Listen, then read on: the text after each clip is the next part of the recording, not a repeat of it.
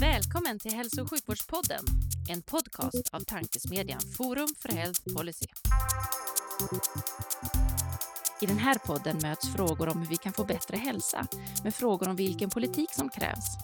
Det kommer bli samtal om personcentrering, ledarskap, digitalisering, organisation, politik och mycket mer.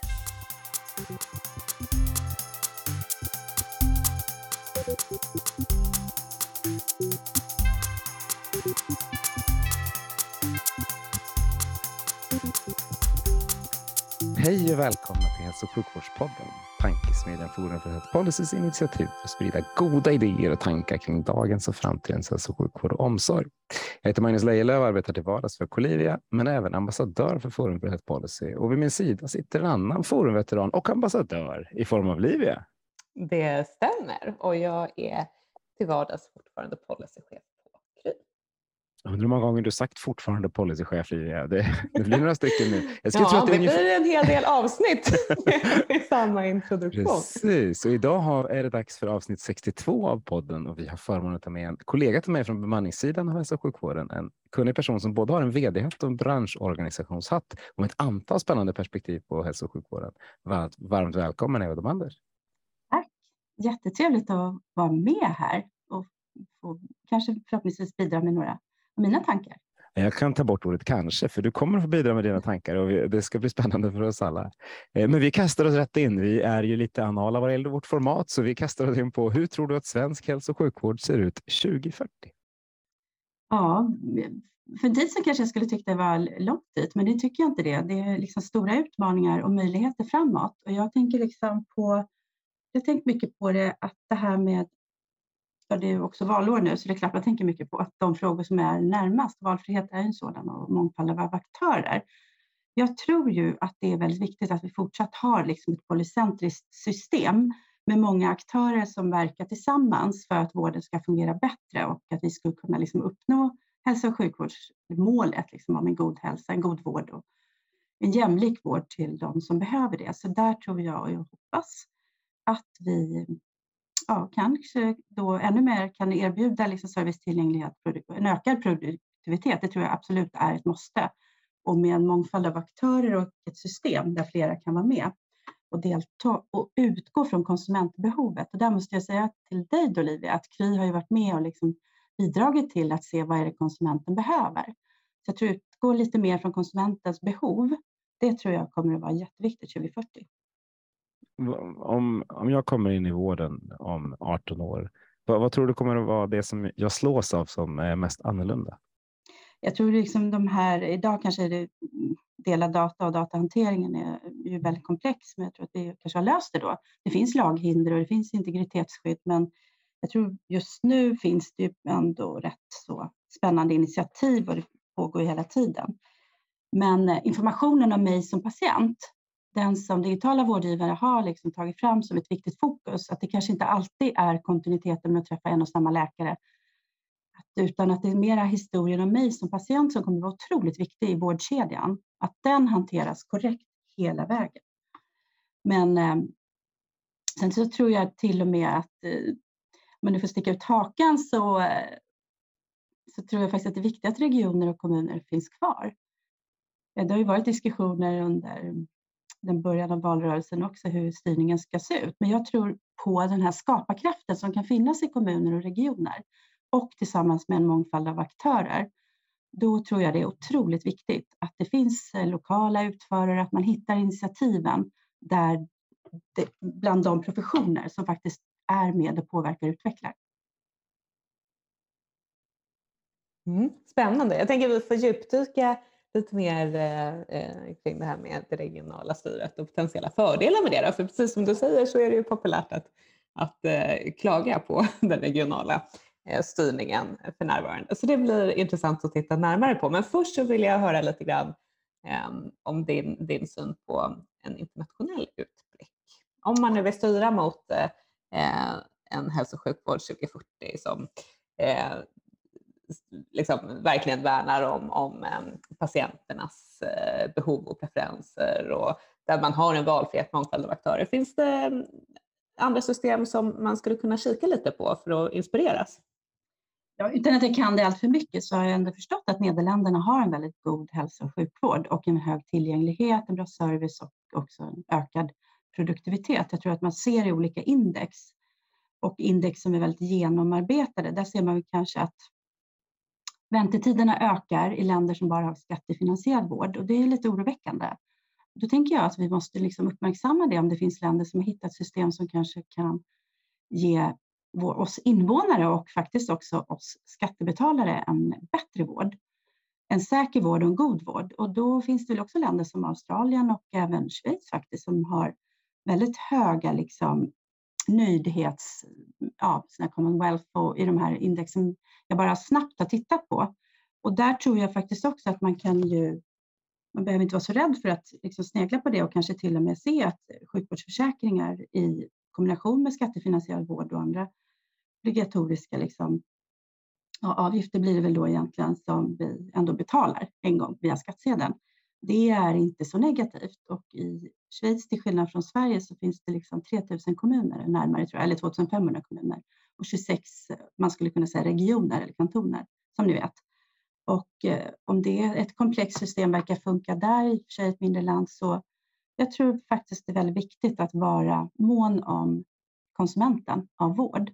Och om vi konsumenter vill producera, eller vill inte producera, det vill vi kanske, men vi, vi vill i alla fall konsumera mer vård, då är det väl bättre att vi gör det på hälsa, tänker jag, än att vi, att vi fokuserar på att konsumera vård inom hälsa än eh, bara onödiga prylar.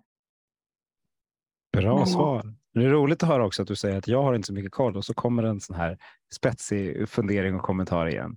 Vill ni ut, höra mer om Schweiz så eh, rekommenderar jag avsnitt 16 av Hälso och sjukvårdspodden där Stefan Fölster pratar rätt mycket om varför han tycker att Schweiz är, är bäst i världen.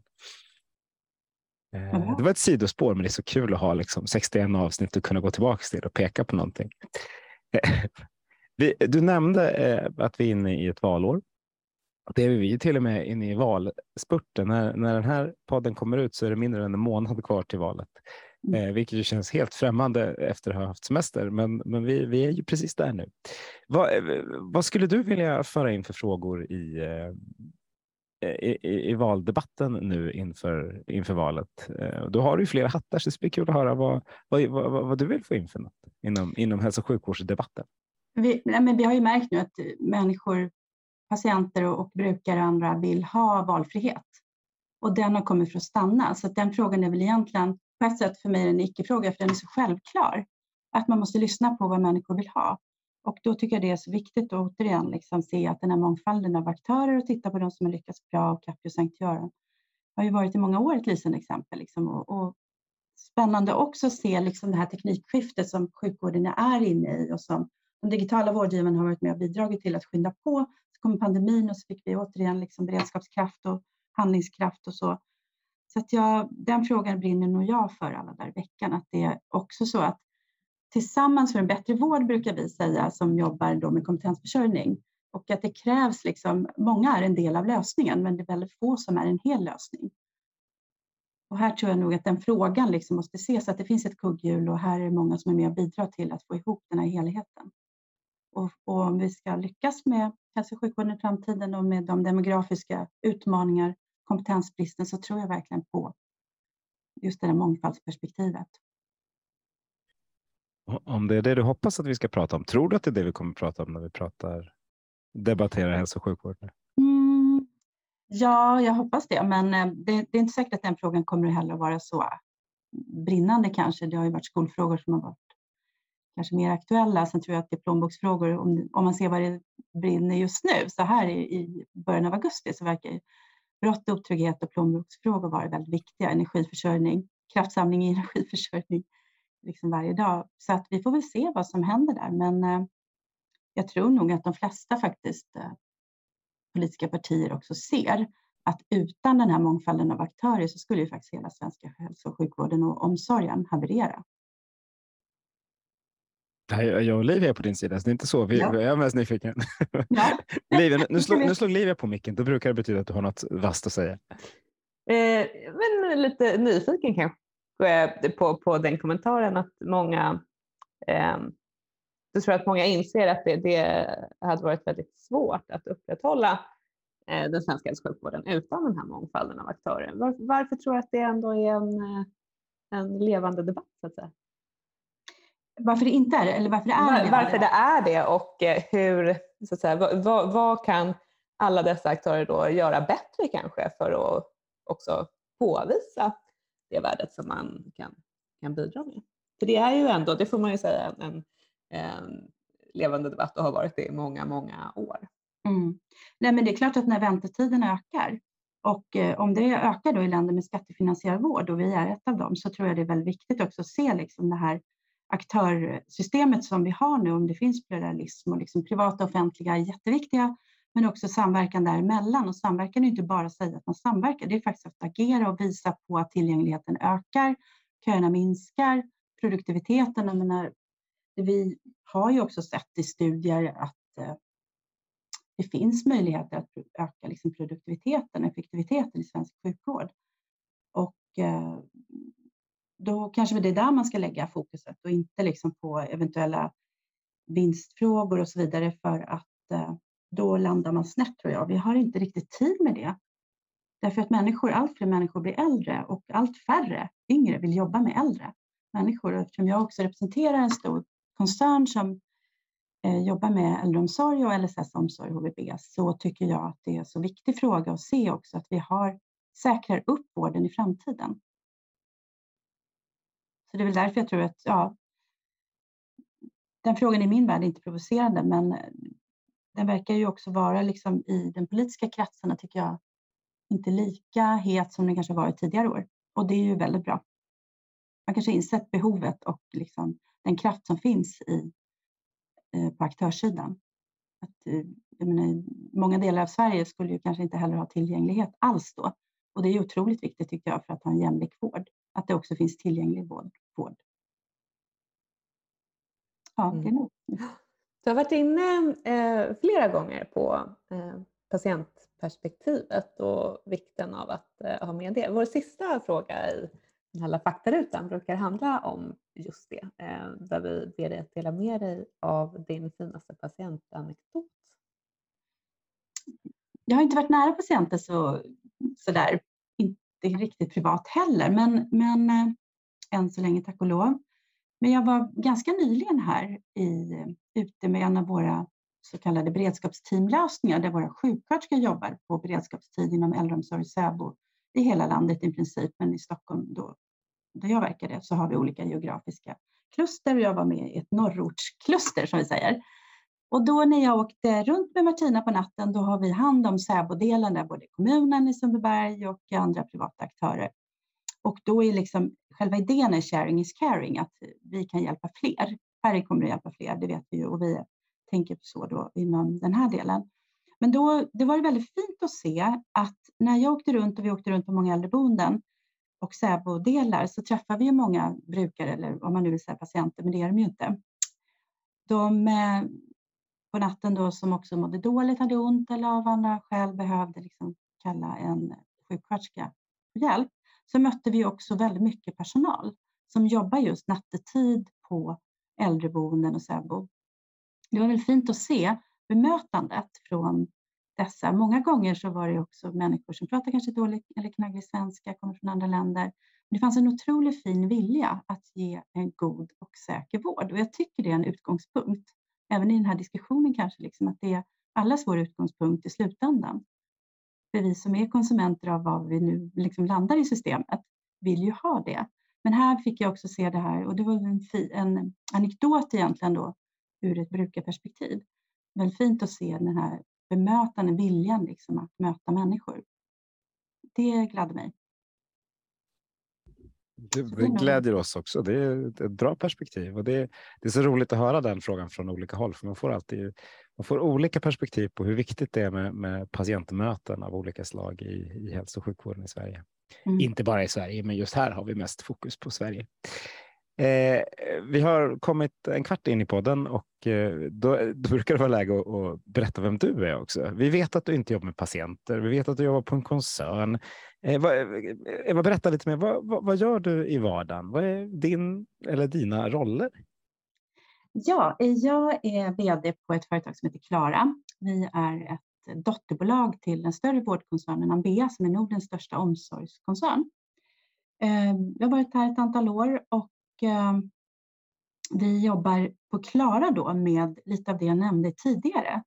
Vi kallar det, vi har både staffingbenet, det vill säga bemanningsbenet med läkare och sjuksköterskor, men vi har också ett solutionsben och i det ingår ehm, bland annat de patrullösningarna inom äldreomsorgen där, där våra legitimerade kompetenser, vi jobbar bara med legitimerad personal, eh, Eh, jobbar med inom geografiska kluster med att stötta upp lite den här sharing is caring-lösningen. Att vi delar på kompetenser helt enkelt för att det ska räcka till.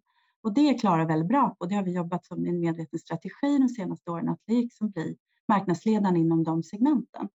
Vi har också elevhälsa, inte minst viktigt i den här valdebatten när jag tänker med psykisk ohälsa då, eh, och eh, friskolefrågan. Vi jobbar väldigt mycket med skolor i Sverige, små, medelstora och stora koncerner och kommuner med vår elevhälsa och vi förvärvade nyligen under våren ett bolag som heter Skolpool, så nu heter vi Klara Skolpool och är marknadsledande inom förebyggande vård och elevhälsa där vi har medicinska team som jobbar runt om i landet på skolor.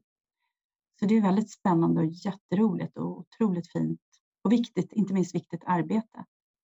Så det är lite roligt då i den här rollen och på Klara, liksom, där vi tänker, att innovationer är viktiga. Liksom, det, säger, det, vet, det, vet, vi alla att det är det, men det här, när vi började diskutera liksom, så såg vi också snabbt att medicinska elevhälsan är superviktig, såklart, och den måste finnas. Men den psykiska ohälsan ökar och då började vi titta lite, kraftsamla våra kompetenser inom bolaget och förstod att vi har också lite kompetenser som skulle kunna jobba med psykisk egentligen hälsa då, liksom motverka den ohälsan. Så nu har vi startat en pilot och ett projekt inom det området. Så det är jättespännande tycker jag hur vi klarar kan liksom se åt lite den här liksom utgångspunkten att färre kommer hjälpa fler.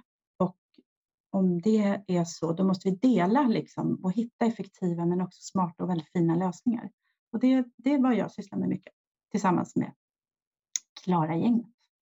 Sen är jag också ordförande på kom, eh, kompetensföretagen som, eh, där vi har 800 medlemsföretag och ett 60-tal av dem jobbar kanske inom vård och omsorg som vårdbemanningsföretag. Och vi tillhör förstås då Almega. Ja, precis, det är två hattar som vi kommer, kommer att djupdyka i. Jag tror bara inte jag kan lämna den där bollen med, med, med projekt kring psykisk hälsa, för är det något vi pratar om eller har pratat om väldigt mycket och i och med det tragiska som skedde i Almedalen så har vi pratat, så har det liksom kommit upp ännu mer på bordet eh, med, med Ingmarie. Eh, så jag funderar på, vill du berätta mer om, om vad, vad ni gör i det projektet? Om ni, har, ni liksom, har ni hittat en heliga graal här någonstans eh, för, för, för att ta tag i problemet tidigt innan det blir ohälsa när det mer är eh, när man fokuserar på det preventiva inom psykisk hälsa? Nu är vi ju på elevstadiet, jag tror det är där det får börja liksom. Mm. Förskolan, BVC, ja, MVC, BVC, liksom hela kedjan. Att det måste finnas något holistiskt synsätt också på hur man kan stötta människor i tidigt skede, liksom till eh, att barn kommer upp i förskoleålder och sen upp i skolåldern. Och vi vet ju också nu vad jag förstår så är var femte elev har någon slags ätstörning.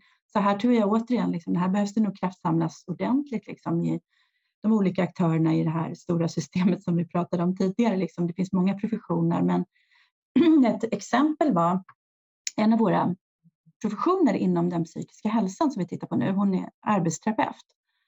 Och det är ganska nytt att man inom den professionen jobbar, eller nytt och nytt, det är det inte, men, men i alla fall jag blev uppmärksammad på att de kan göra mycket genom att liksom på ett sätt också träna elever att till exempel gå och lägga sig tidigt på kvällen, sluta spela gaming, sluta gamea, liksom. gå och lägg dig, stötta föräldrar, komma upp i tid, äta frukost och komma till skolan eller hur man nu vill liksom inta sin, eller inte frukost, men det är inte det viktiga. Det viktiga är att komma till skolan och nå sina kunskapsmål för att sedan kunna ha en plattform vidare i livet. Och det här tror jag är superviktigt nu. Att vi har så många elever. Jag tror det var 15 17 000 elever gick ut nian i våras och inte hade några betyg för att ta sig vidare.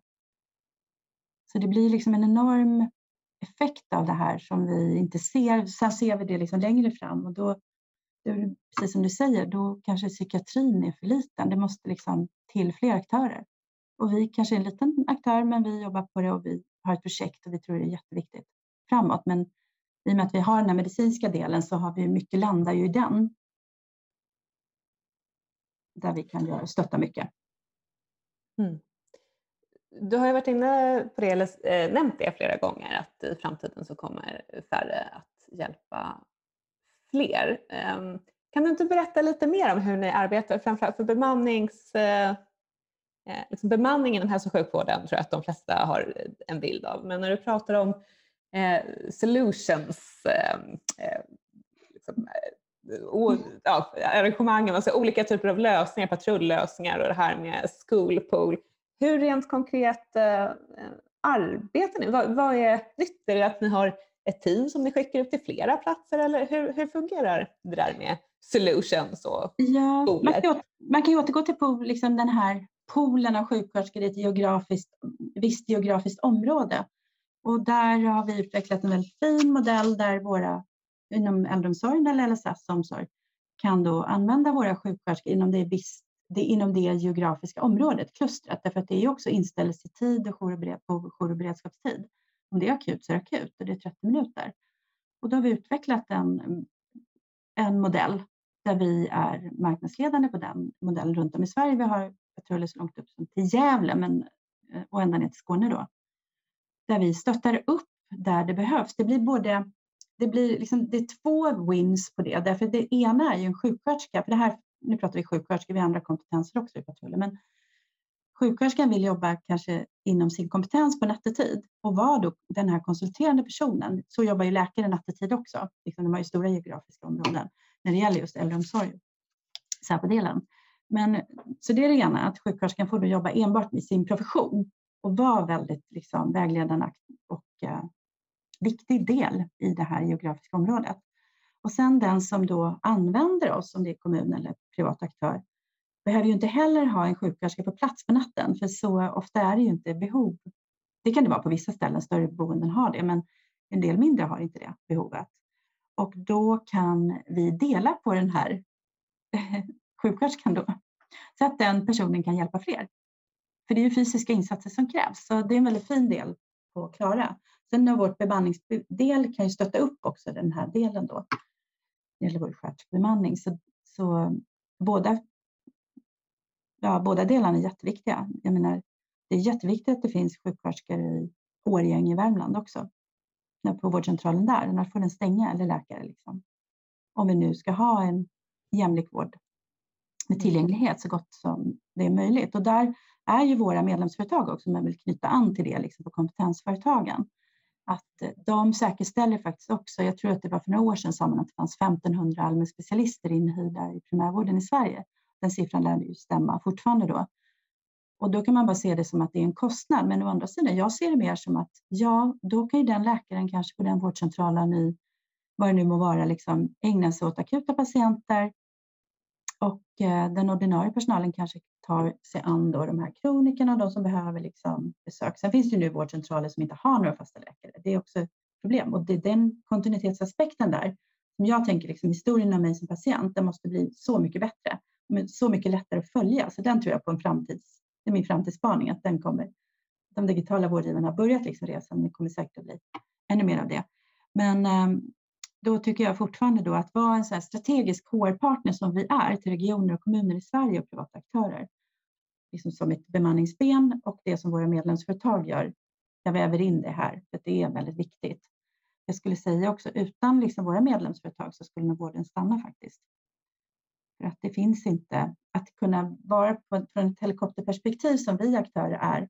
Och sen se liksom var behövs det kompetenser? Och så upphandlar regioner det och de blir bättre och bättre på det så kan man liksom trappa ner. Ja, nu behövs den här kompetensen där och den kompetensen kan också åka dit.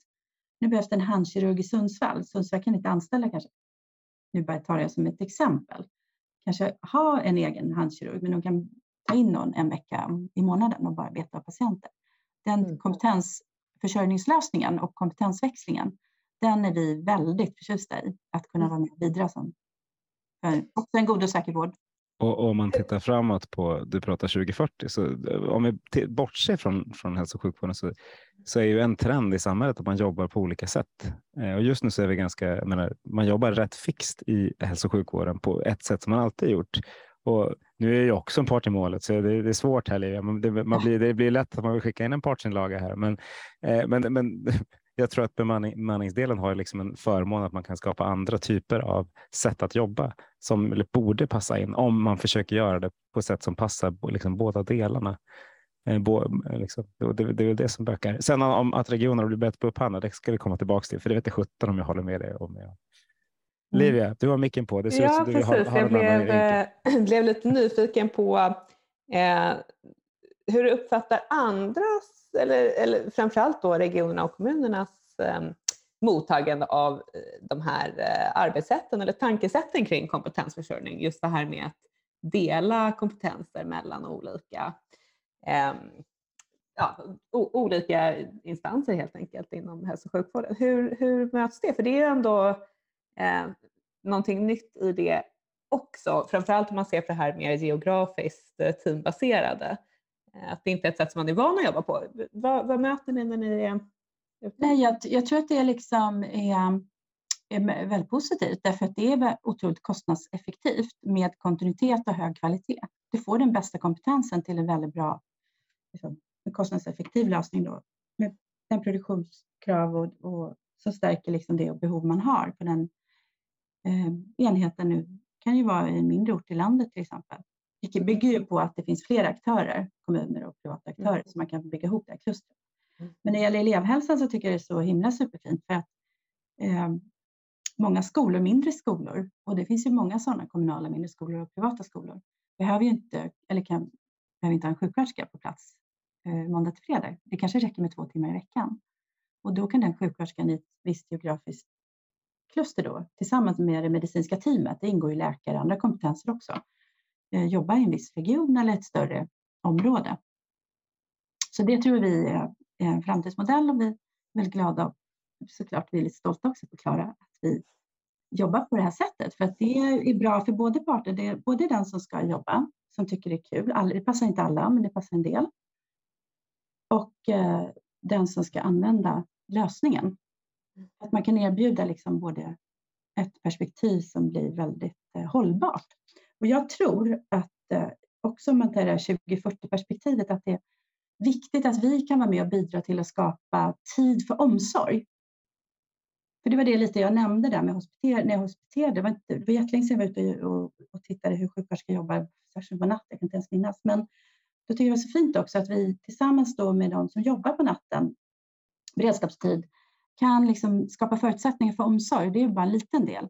Men det tror jag är superviktigt i framtiden också för om professioner, om det finns ett stort vårdbehov och så ska vi slåss om talangerna och professionerna. Det blir ju inget bra. Då tror vi på Klara att vi sedan många år liksom valde ett spår där vi liksom funderar lite på hur man kan jobba lite mer med sharing is caring.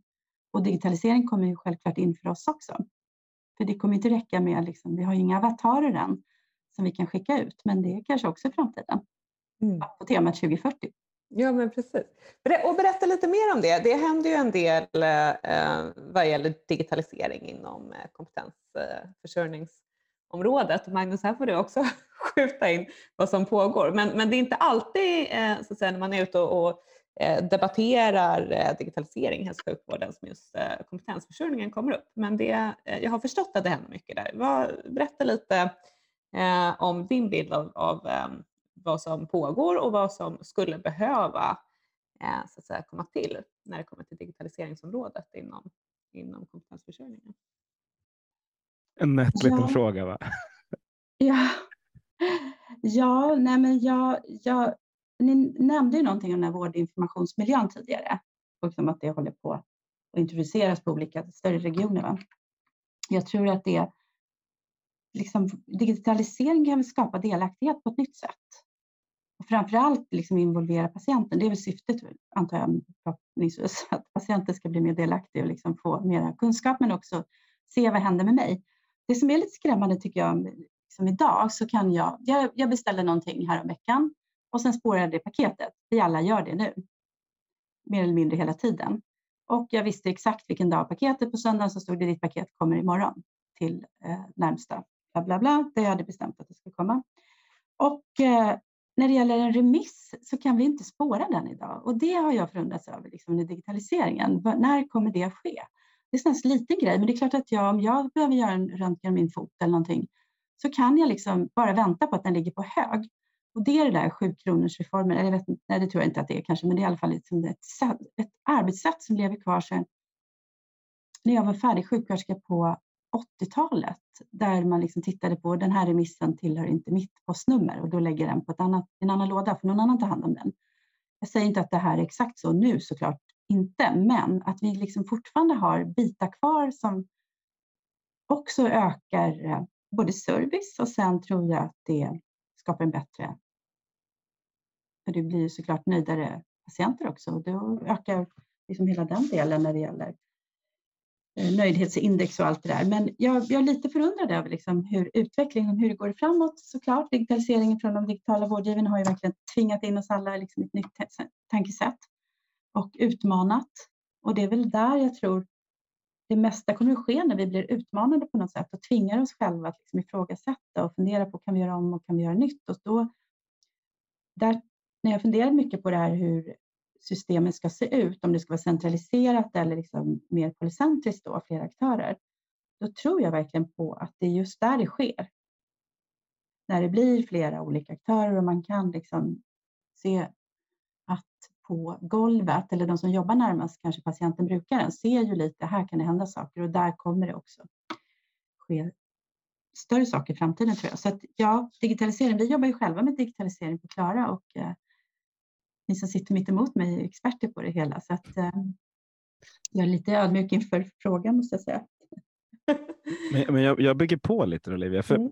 den branschen som jag och Eva representerar handlar, är väldigt analog mm. eh, som bransch i sig. Alltså vi, vi, det är väldigt många personer, bygger väldigt mycket på relationer och bygger väldigt mycket på relationer mellan både vårdgivare, mellan liksom, eh, det som vi kallar konsulter, sköterskor och, och läkare och de som jobbar på vår sida som konsultchefer framtiden för mig handlar om att vi digitaliserar dem, det vill säga tar bort de analoga processerna och gör det mycket mer digitalt och sömlöst. Och då måste två saker hända. Det ena är att man måste öka förtro förtroendet mellan olika aktörer, det vill säga att man vågar släppa in varandra eh, till, i varandras miljöer. Om de ska vara integrerat eller inte, det spelar inte mig så stor roll. Man måste ge varandra liksom tillgänglighet. Om du, du som vårdgivare Livia, för det, du representerar en sån, du måste lita på oss som, som behandlingsföretag. Ja, ah, okay, vi, liksom, vi, vi, vi, låter våra system mötas så att ni bara kan liksom, klicka på något så får ni hem liksom, digitalt den presentationen av personen som ska jobba hos er och så, ser, så, så litar man på att det här, det här blir bra. Då, den, liksom, den processen som idag är väldigt analog, jag tänkte beskriva hur den är, för jag, man skäms nästan över hur liksom, många steg och hur, hur analogt det är. Men den tror jag kommer, liksom, där, där kommer det hända jättemycket väldigt snart och som kommer, kommer att förändra. Men, men grunden, liksom, den andra delen är teknisk och den tekniska delen är alltid mycket enklare.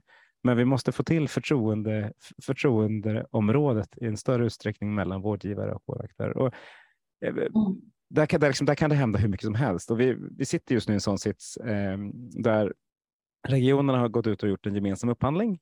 Jättefint och liksom ska försöka göra någonting där man samskapar, gör en upphandling där, där alla regionerna ska, ska eh, liksom, deras behov av läkare och sköterskor ska eh, upphandlas för alla oss aktörer. Eh, bra, lovvärt initiativ som naturligtvis misslyckas. För alla stora upphandlingar när vi försöker samgöra saker har ju en tendens att misslyckas för ingen är nöjd med allt.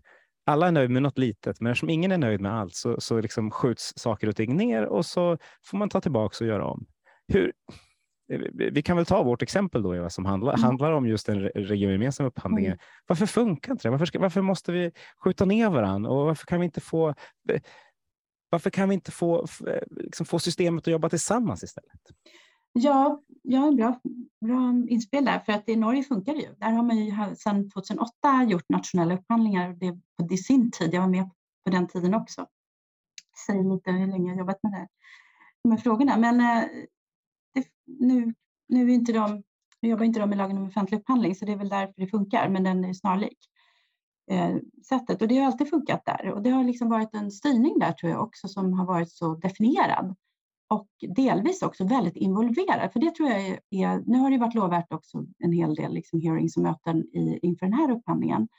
Men här tycker jag liksom regelverket och tydligheten och styrningen har varit lite annorlunda jämfört om jag jämför med Sverige och Norge Jag tycker det är olyckligt att eh, det nu inte blev den här upphandlingen, för det betyder också att det kan bli mycket mer direktupphandlingar och det blir oordning och oreda och nu ville vi ha mer ordning och mer reda så att landstingen eller, eller ursäkta, regionerna också får eh, mer ordning och reda. För att där ser ju vi också en brist på eh, både kunskap och ibland vilja, men mycket mer vilja nu än tidigare. Så det är väl därför jag menar att ja, över tid så har det skett en, en förbättring, men 21 regioner kan omöjligt upphandla alla dessa kompetenser, för då blir det bara, det är bara som gjort för att det ska bli oreda. Så därför var det här ett väldigt viktigt initiativ och jag hoppas att den kommer att fortsätta. Sen måste man nog också i sådana här större liksom, sammanhang vara lite mer in, lyssna in lite, liksom, de man ska jobba med. Det måste finnas en, en liksom, vilja till samarbete. Och många gånger är det där det brister i den här kedjan, att egentligen så brukar det stå så här i förfrågningsunderlag, vi vill egentligen inte ha någon inhyrning i den här regionen och det är förbjudet att hyra in i princip. Eh, och börjar man med den utgångspunkten, då kan det ju bara bli fel liksom hela vägen ner. Istället för att se så här, okej, okay, vi har, Volvo vet ju när de bygger bilar att de kommer att ha ungefär 30 procent inhyrda för att, skapa, för att liksom bygga bort den här produktionstopparna och allt vad det kan vara. Liksom. Nu beställer jättemånga XC40 el. Då behöver vi ha så här många elektriker, kanske eller vad man nu behöver. Och så, så tar man in det.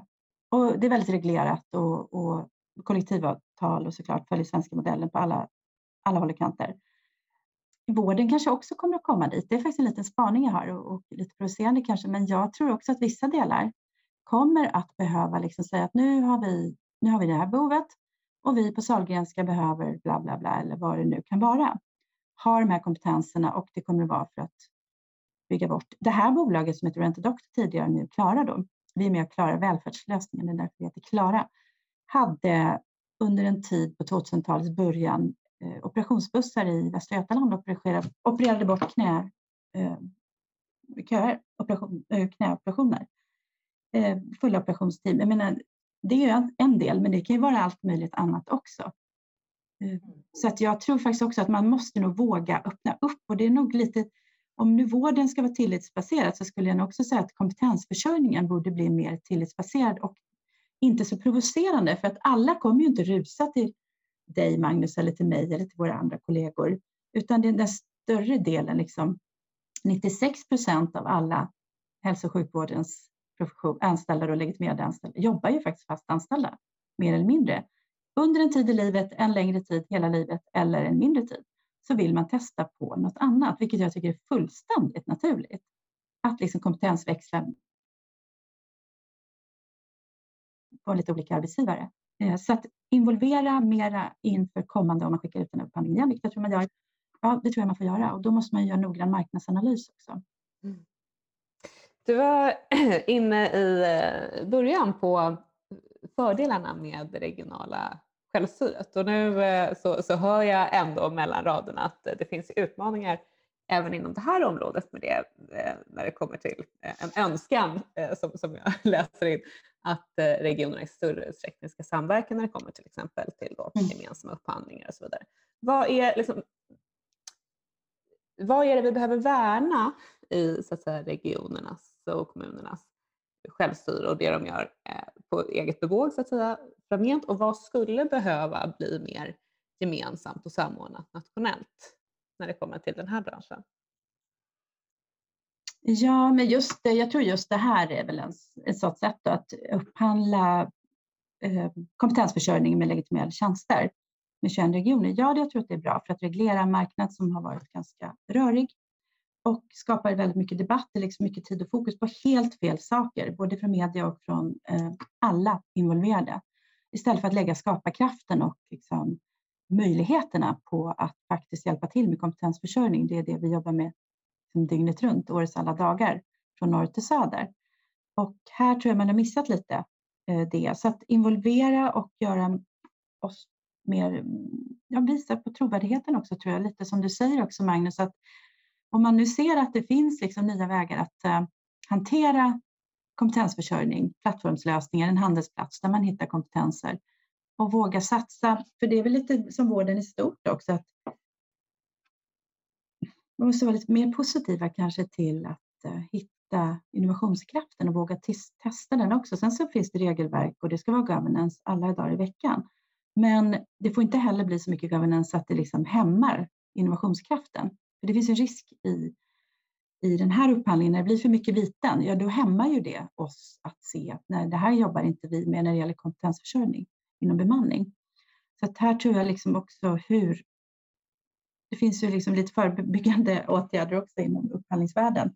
Jag tror att man kanske också skulle ta, kunna ta hjälp av ja, större industriföretag, logistiker som hittar bästa möjliga väg för en logistikkedja till exempel.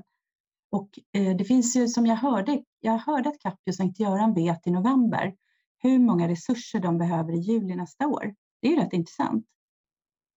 I min värld borde man nästan alla vallfärda dit för att höra hur vet de det? Vad gör de? Hur kan vi lära? Vad kan vi ta till oss? Och då skulle vi få det mycket lättare att jobba också. Eh, så att det finns väl något inbyggt också där det är så mycket som läggs på, jag tänker verksamhetschefen idag, det, det kom, behovet kommer ju ofta från dem.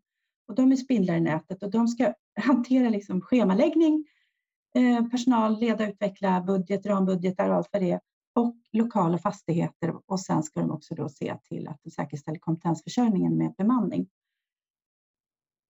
Det låter som det blir väldigt mycket och då lägger man ut det på enheter som kanske inte heller har den bästa kompetensen eller har det. Men jag tror att det finns mycket mer att göra helt enkelt. Så släpp in sådana som Magnus och eh, mig och andra kollegor och diskutera i forum kanske.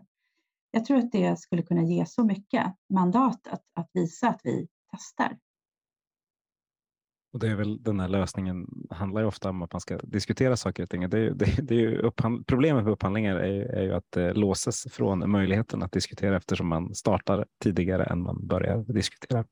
Eh, det har vi nog lärt oss på många håll, eller lärt oss verkar vi inte ha gjort, men vi har ju sett hur det har misslyckats på många håll. Eh, vi håller väl tummarna för att, för att det utvecklas på, på många sätt och vis.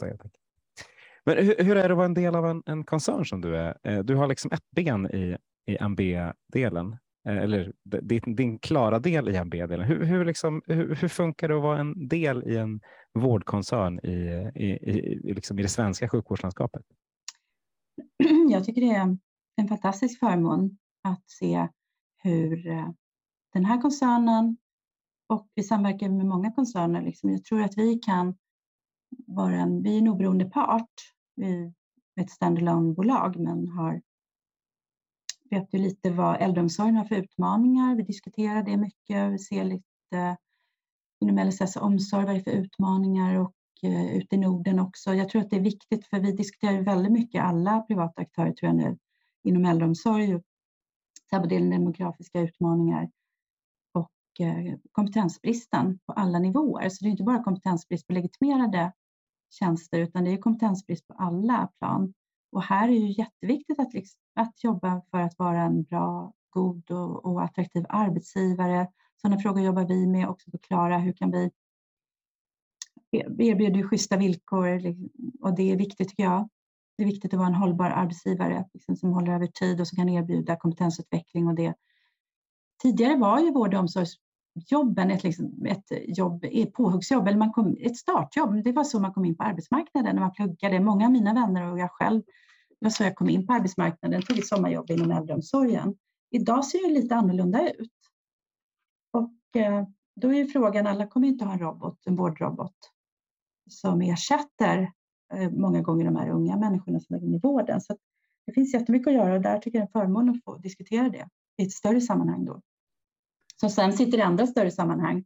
Så att det finns en gemensam samsyn. Jag tycker äldreomsorgen också, vilka fantastiska äldreboenden jag ser hur vi bygger internt och eh, andra bygger också mm. för de äldre. Sorgligt nog så ser och hör vi också nu efter pandemin, om man nu eh, ska nämna den, att eh, många äldre har ju bott hemma nu så länge så att när de väl har behov av att komma in kanske på ett äldreboende, då har de först passerat ett sjukhus för att de har varit så sjuka. Så när de kommer sen till äldreboendet så har de multidiagnoser, de är multisjuka, väldigt vårdkrävande och eh, också då kanske inte lever så länge. Och det är synd, för det är också en service som skulle kunna kommit från ganska jobbigt hemförhållande till ett äldreboende eller särboende där man får mycket service, aktiviteter, Jag ser bara här där vi har Nobelmiddagar och det är eh, mat som hemma-koncept och det finns spaavdelningar för de äldre. Så det är en helt annan typ av äldreboenden vi har idag än vad som fanns för 20 år sedan. Mm. Är ni duktiga på att dela bra idéer inom koncernen? För, för det tycker jag vi generellt är lite, eh, skulle kunna bli bättre på att faktiskt lära oss vad, vad, som är riktigt bra. Nu har du lyft Campus Sankt Göran några gånger. Jag kan säga du är inte först i podden om att lyfta Sankt Göran, men, men det är ingen som tar efter eh, och, och, och, säger att ja, men okej, det här är state of the art. Hur ska vi se till att, lära oss allt om det? Hur ska vi se till? Ja, det är privat, absolut, men det är ju bra skit som händer här. Hur ska, hur ska vi göra? Är ni duktiga inom AV, tycker du, på att titta på vad andra gör och vad ni gör och, liksom, och driva vidare så att alla siktar på att bli bäst? Ja, jag tycker det tillvaratas många goda initiativ. Eh, vi gick ju själva och funderade på klara här för några år sedan lite när vi funderade på vad är det som stör? Vi såg i våra team, pulsmätningar och teambarometrar att våra sjuksköterskor var irriterade på dokumentationen, hur mycket administrativ tid på ett pass under då 16 till 08 man lägger på administration på ganska många eh, system och eh, hur, då började vi fundera och mala på hur skulle vi kunna liksom frigöra tid för sjuksköterskan att skapa tid för omsorg istället och eh, minska den administrativa och bli lite mer systemoberoende. Också då givetvis öka patientsäkerheten. Så vi har kört igång en AI-pilot för detta med journalanteckningar då via mobilen. Så eh, det var också ett skäl till att jag var ute den här natten, därför att då såg jag faktiskt fysiskt hur vår sjuksköterska talade in journalnotat i mobilen i ett givet journalsystem. Nu jobbar vi då förstås med många system och här ligger liksom utmaningen, men det, vi tror att vi kommer att lösa det. Och då, då tycker jag det är en sån här stor innovation som kan hjälpa fler och då tänker vi att det är någonting som vi erbjuder alla, liksom, för då kommer det att hjälpa alla och det tror jag är liksom sharing is caring-lösningen också. Att då vi servar ju många enheter på ett pass och, och det är väldigt mycket. Det hände under bara den tiden jag var med. Det ringde hela tiden och vi bara körde runt i liksom det geografiska området och hela natten. Och då blir det väldigt krävande att, att skriva tung administration. Och det finns också risker med det, att man missar någonting och när man noterar liksom ett samtal så kanske man gör det på gula lappar och det kan försvinna så det är inte heller patientsäkert. Och det var också ett av skälen till att vi nu jobbar med en, en digital aktör på det här området. Vi har kommit väldigt långt, så vi utvidgar den här piloten och då ser vi i förlängningen att det kan gynna många fler. Och där tänkte vi att då får vi vara lite, då tycker vi är lite kul att vi tar lite för det. Våra sjuksköterskor tycker det är jättespännande. Vi ser också att vi kan använda det på våra andra kompetenser. Vi jobbar med rehabpatruller också, där elevhälsoteam, där alla har, all, administration är alltid väldigt tung inom hälso och sjukvård, omsorg och eh, även skolhälsovård har jag förstått. Så det här då talet journal som vi kallar det för, vi har kört piloten nu i ett och ett halvt år. Och jag, jag tycker det vittnar om också ett sätt att ta vara på innovationer. När det finns kompetens och kunskap både internt i en koncern men också för oss på Klara handlar det om att ses som en modern och attraktiv arbetsgivare som också faktiskt tar ansvar för att sjuksköterskan ska ha eller andra kompetenser en hållbar arbetssituation. Och över tid så säkrar ju upp våra kunder också som att de får en effektivare lösning som kanske blir billigare. Precis. Och vill ni hinta om det där tror jag att episod 50 med Henrik skulle kunna vara något att lyssna lite extra på. Eh, men ny, ny, nyfiken där, för du, du bara passerade och sa att ja, just nu är det ett journalsystem, med, men det tror vi att vi kommer att lösa. Som att det är ganska enkelt att uh, integrera med alla, alla journalsystem. Hur, hur, hur ska ni lösa det? För där kan du kanske, har ni lösningen så blir vi jätteglada för då kanske vi löser en massa saker här i hälso och sjukvården. Ja, jag, läser, jag, jag, jag kanske är lite för optimistisk. Det är en av mina ja, styrkor eller svagheter. Nej, men det, är en, jag, det är en styrka, jag, så vi, tänker, vi, vi, vi har optimistiska versionen här. Jag har den optimistiska versionen. Nej, men jag har inte sagt att vi har löst det. Vi jobbar på det. Vi tror att det, men det är såklart, det är många uråldriga system och de är många. Jag tror i Region Skåne så jobbar våra sjuksköterskor på våra patruller med sju till nio olika journalsystem. Och det är alltid strul med inlogg, det, alltid, tar sådan tid. Och eh, det är ett väldigt irritationsmoment, för det skapar ju också en osäkerhet om man inte kommer in i en journal, man akut måste komma in i en journal eller, eller skicka ett notat. Och så där. så att, nej, det här känns som eh, det här är vårt initiativ som vi jobbar med. Vi lägger eh, vi har såklart tid och kraft och pengar på det här. Vi tror det är superviktigt för framtiden. Så det är vårt bidrag till en hållbar vård och omsorg som kan utmynna till liksom den här utgångspunkten att alla har rätt till en god och säker vård. Mm. Ja, det är ju äh, definitivt, det, det, är väl det som kommer upp nästan eh, mest frekvent skulle jag säga här i podden, äh, där, alla, äh, där, där, vi får samma svar från alla. Just det här behovet av att eh, kunna utbyta information på ett, på ett effektivt och säkert sätt mellan alla dessa system eh, runt om i landet. Eh, och det är en fråga som, som också är lite intressant där vi har en gemensam målsättning. Alla tycker ungefär samma sak. Det här är viktigt att vi får till, men, men vi lyckas inte riktigt komma dit. Och det du var inne på tidigare, att vi pratar mycket om samverkan, men kanske inte alltid är lika bra på att göra samverkan. Ehm, vad, vad, vad tror du att vi skulle kunna göra för att förbättra samverkan mellan olika aktörer som ändå vill samma sak? Det kan vara svårare om man har olika målbild, men när vi har samma målbild, ehm, vad tror du skulle kunna förbättras i vårt sätt att arbeta med varandra? Ja, ibland verkar det som att vi inte är lika bra på att involvera varandra som att prata med, om varandra, inte med varandra. Och eh, jag tänker på utskrivningsprocesser och andra metoder och processer som man jobbar med inom hälso och sjukvård som drabbar väldigt många, kanske inte alltid positivt heller. Så jag tror att, eh, att man skulle kanske våga mer göra olika större projekt tillsammans för att se att eh, det är lätt att samarbeta. För det, det handlar ju också om någon slags beröringsskräck ibland, i min bild inom hälso och sjukvård. Lite beröringsskräck med bemanningsföretag, hur de tar vår personal. Och det är ju också, i slutändan är det ju mer, kanske mer okunskap och sådär, men jag tror att om man nu ska utgå från konsumentbehovet, den som faktiskt behöver, eh, då måste vi nog framöver definiera och koordinera mera insatser och eh, det kommer att krävas mycket innovationer här tror jag och det, det finns så mycket prestige också mellan olika regioner, mellan olika aktörer kanske, inte vet jag. Eh, men det finns ändå, vi har ju sett med pandemin tycker jag att det finns en beredskapsvilja och en handlingskraft. När, det liksom, när vi kraftsamlar, då blir vi som bäst. Och det här kanske skulle kraftsamlas omkring det här och en tanke som jag har hört i många år många prata om det är att till exempel 1000 är ju ett projekt nu är det ju inte ett projekt längre, för nu finns ju 1000 i Norrtälje. Och eh, finns det någon annan del av landet som man skulle kunna testa att göra ett nytt 1000? Kanske göra lite andra modeller, inte vet jag, lära sig av det som inte var bra, det som har varit mycket bra och framgångsrikt 1000. Till exempel att hemtjänstpersonalen har väldigt god tillgång till liksom, information om en brukare. Det är ju nytt, ett helt nytt perspektiv. Och det finns säkert det finns massor med saker. Och då har jag hört andra aktörer prata om Kungsholmen. Nu råkar jag sitta på Kungsholmen, vårt kontor. Men det är också ett väl definierat avgränsat område. Finns det möjlighet att, att driva ett större projekt mellan olika aktörer för i samverkan att ge helt enkelt en bättre vård och man kan hitta kanske en effektivare vård, öka produktiviteten. Ja, jag tänker att löpande vårdkonsumtion kanske funkar bäst i olika jämförelser. Så man måste ändå våga jämföra också, utvärdera och vara kvalitetskritisk.